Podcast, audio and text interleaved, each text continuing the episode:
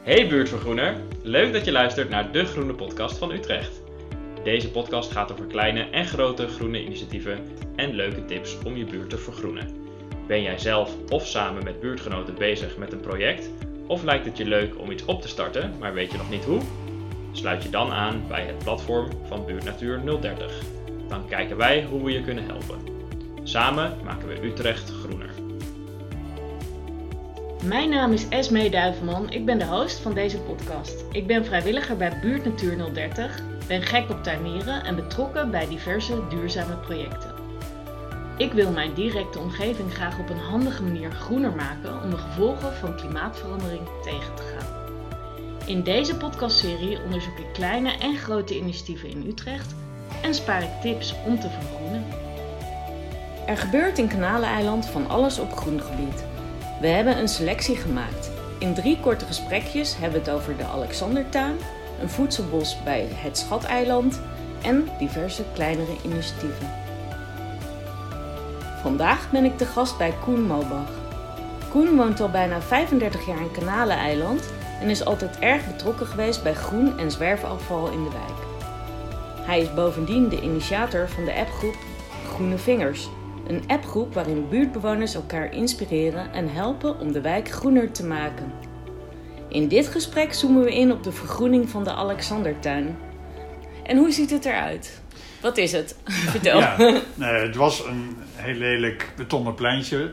Voor 90% bestond het uit betonnen tegels. Ja. Het wordt nu aangelegd door eh, eh, medewerkers van de gemeente Utrecht. Mhm. En daarna, als het opgeleverd is, dan gaan we dat zelf onderhouden. En jullie hebben nu de eerste grove aanleg, heeft de gemeente gedaan. Volgens mij, de plantjes die moeten er nog in komen. Nee, die staan er nu ook die al staan in. er ook al in. Ja, de bomen zijn ook eh, geplant deze week. Oh, nice. Dus het schiet hartstikke op. Ja. En ehm, wanneer is de officiële opening? Dat is nog niet bekend. Oh. Dan moeten we nog, eh, dat wordt, is nog een verrassing. Daar gaan we zeker ook op de, op de agenda van Buurt Natuur 030 gaan we daar eh, eh, een uitnodiging op pla- eh, plaatsen. Ja, Eh, maar daar, eh, daar, gaan we zeker aandacht aan besteden om Leuk. daar eh, een mooie opening van te Ja. maken. Omdat daar ook heel veel buurtbewoners en buurtkinderen bij betrokken zijn. Buurt- ja. Wat zijn nog meer voordelen van de Alexandertuin? ja, een plein zoals het was, was gewoon veel beton, Mhm. veel zwerfafval Ja, en onveilig. ja, Eh, het was geen fijne plek om te zijn. nee. En eh, door de staat van onderhoud was dat gewoon een, een vergeten plek. Ja, Ehm, en zeker na zonsondergang durfde die er daar eigenlijk niet te zijn. nee. Ehm, hè, en dat eh, proberen we, hè, hopen we dat het door dat het een mooie tuin geworden is, Mhm. ehm, hè, dat mensen daar minder snel zwerfafval achterlaten. Ja, Hè, en dat het daar goed recreëren is. ja. Hè, dus dat is, eh, dat wordt een paradijsje. Ja, leuk. Maar dat draagt echt ook bij aan een eh, ja, veiliger gevoel in de buurt. Ja. Oh, goed. Is er nog iets wat je aan de community wil vragen, Koen? Ja, er zijn in de stad en daaromheen natuurlijk honderden van dit soort pleintjes die om aandacht smeken. Ja, Dus ik zou iedere burger op willen roepen om betonnen pleintje om te vormen en tegels te gaan wippen en daar een mooie tuin van te maken. de groene tip van deze podcast. In Kanaleneiland inspireren buurtgenoten elkaar in de appgroep Groene Vingers. Allemaal leuke ideeën en initiatieven worden hier met elkaar gedeeld. Ik ben wel benieuwd, zijn er in Utrecht nog meer van dit soort appgroepjes? Waarin je samen stappen zet om kleine of grote dingen in jouw buurt te vergroenen? Laat het me weten op info.buurtnatuur030.nl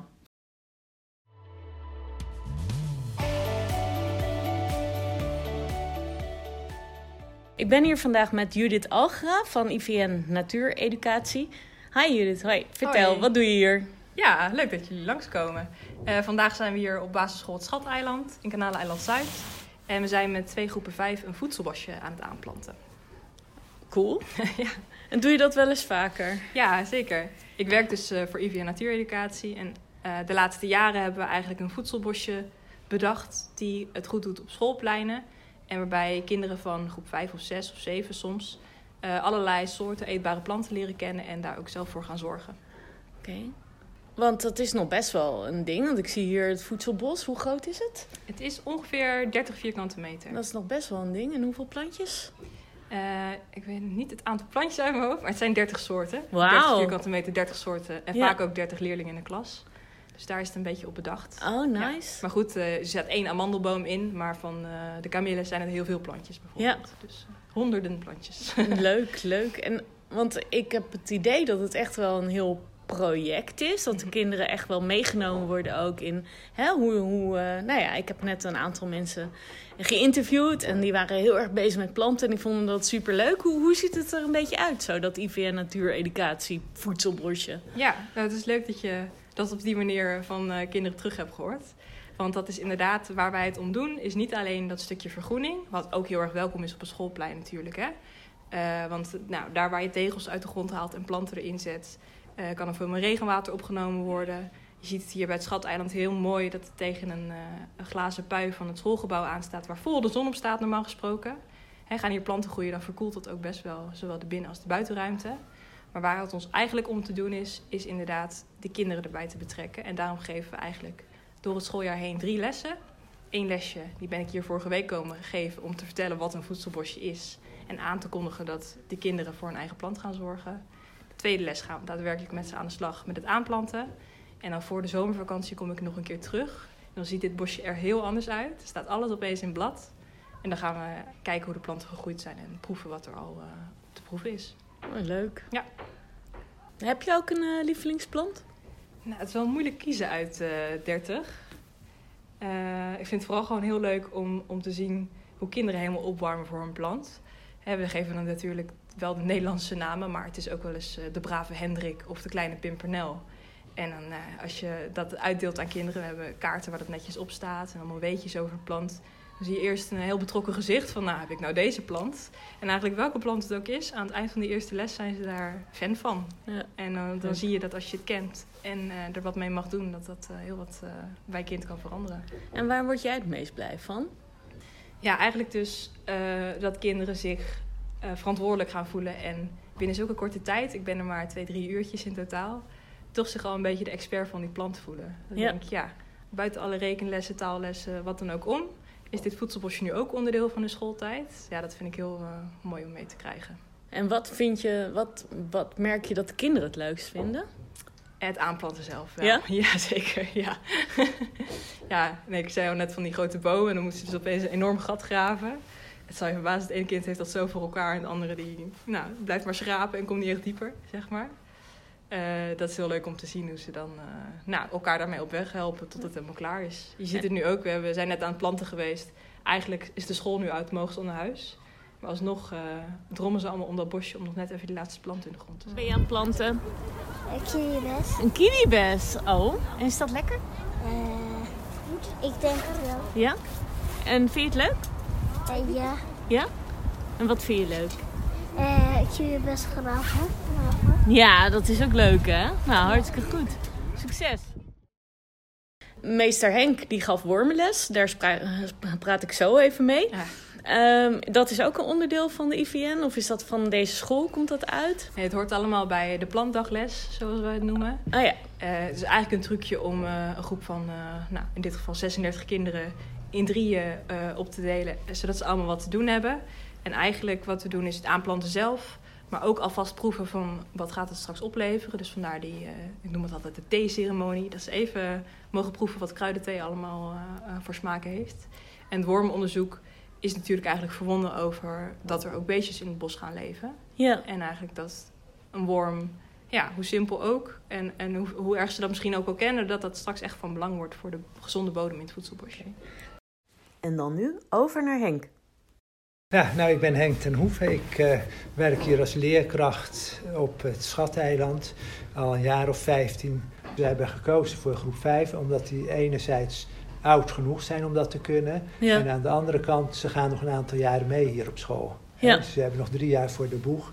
En het systeem is eigenlijk zo bedacht dat groep 5 heeft nu wat struiken en planten gepoot. En die worden dan uh, ja, een soort uh, plantenwacht voor die plant die ze gepoot hebben. Dus ze krijgen ook over een week of twee een soort eh, dagboekje, een paspoort, waarin ze kunnen bijhouden hoe hun plant gaat groeien. En als je plantenwachter bent, wat, wat zijn je taken dan? Nou, de taken zijn om eigenlijk heel precies bij te houden wat jouw eigen, want ze zijn plantenwachter van hun eigen plant. Ja, Dus ze gaan bijhouden van eh, hoe groeit de plant, wat voor bloemen komen eraan, wat voor vruchten eventueel.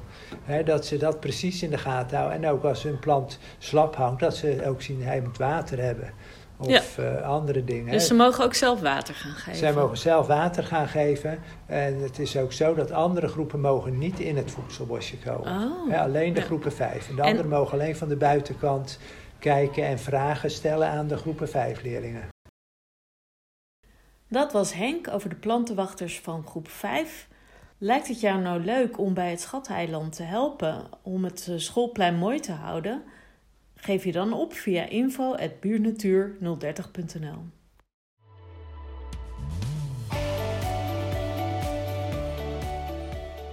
Dit gesprek is met Mike en Malou, beide bewoners van Kanaleneiland.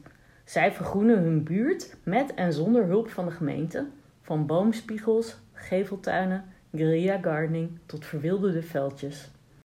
Jullie hebben allebei eh, boomspiegels eh, aangelegd. Ehm, Mike, vertel.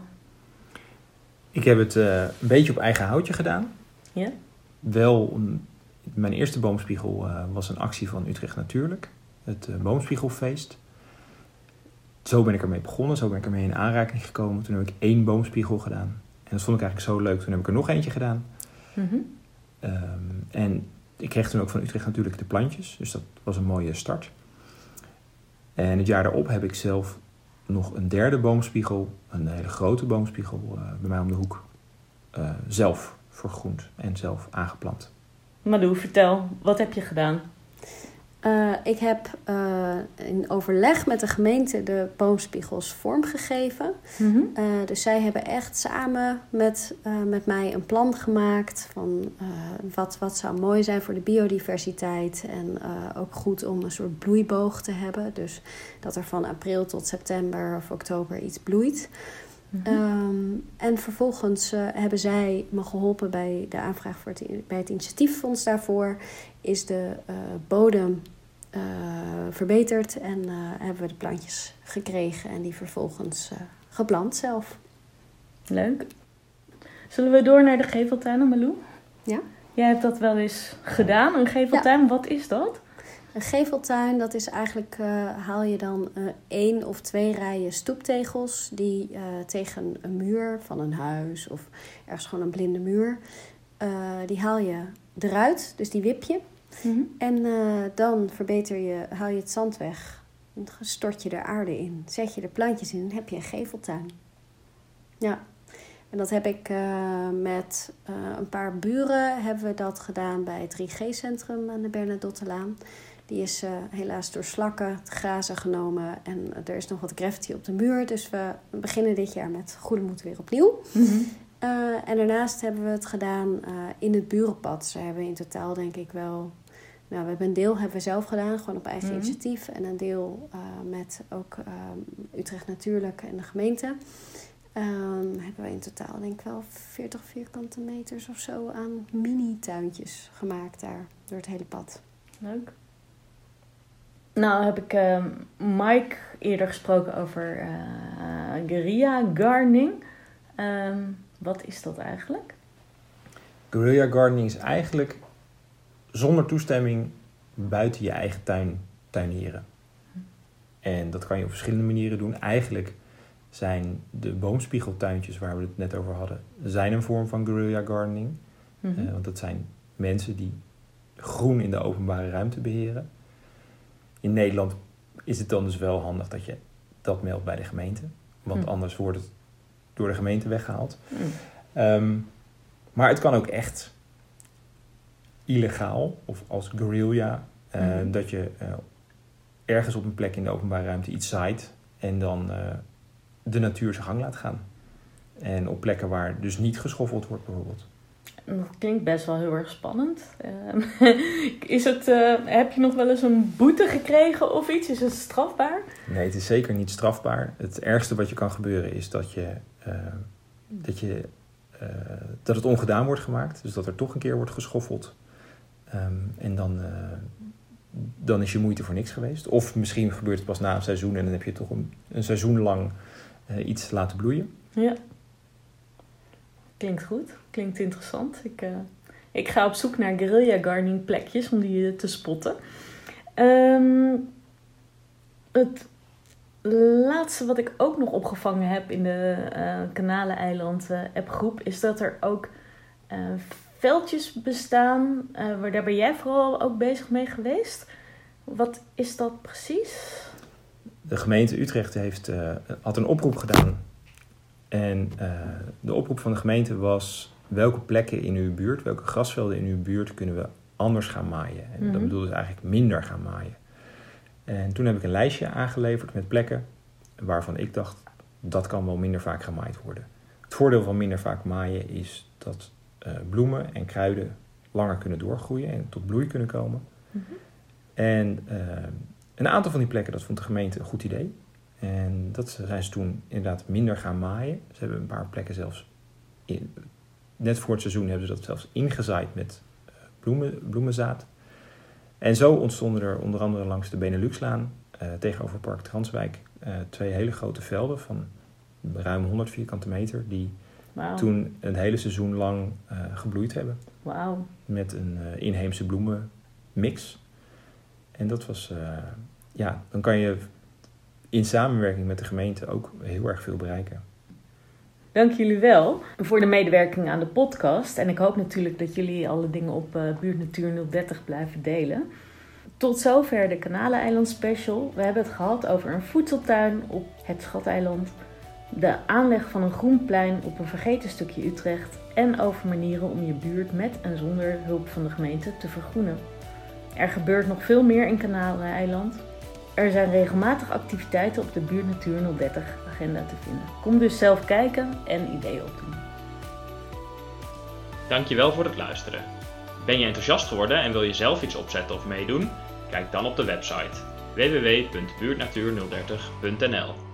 Volgende maand is er weer een nieuwe podcast. Je kunt een vraag of idee insturen door te mailen naar info.buurtnatuur030.nl of dit in de show notes vermelden. Hou onze socials in de gaten voor de aankondiging van de volgende gast.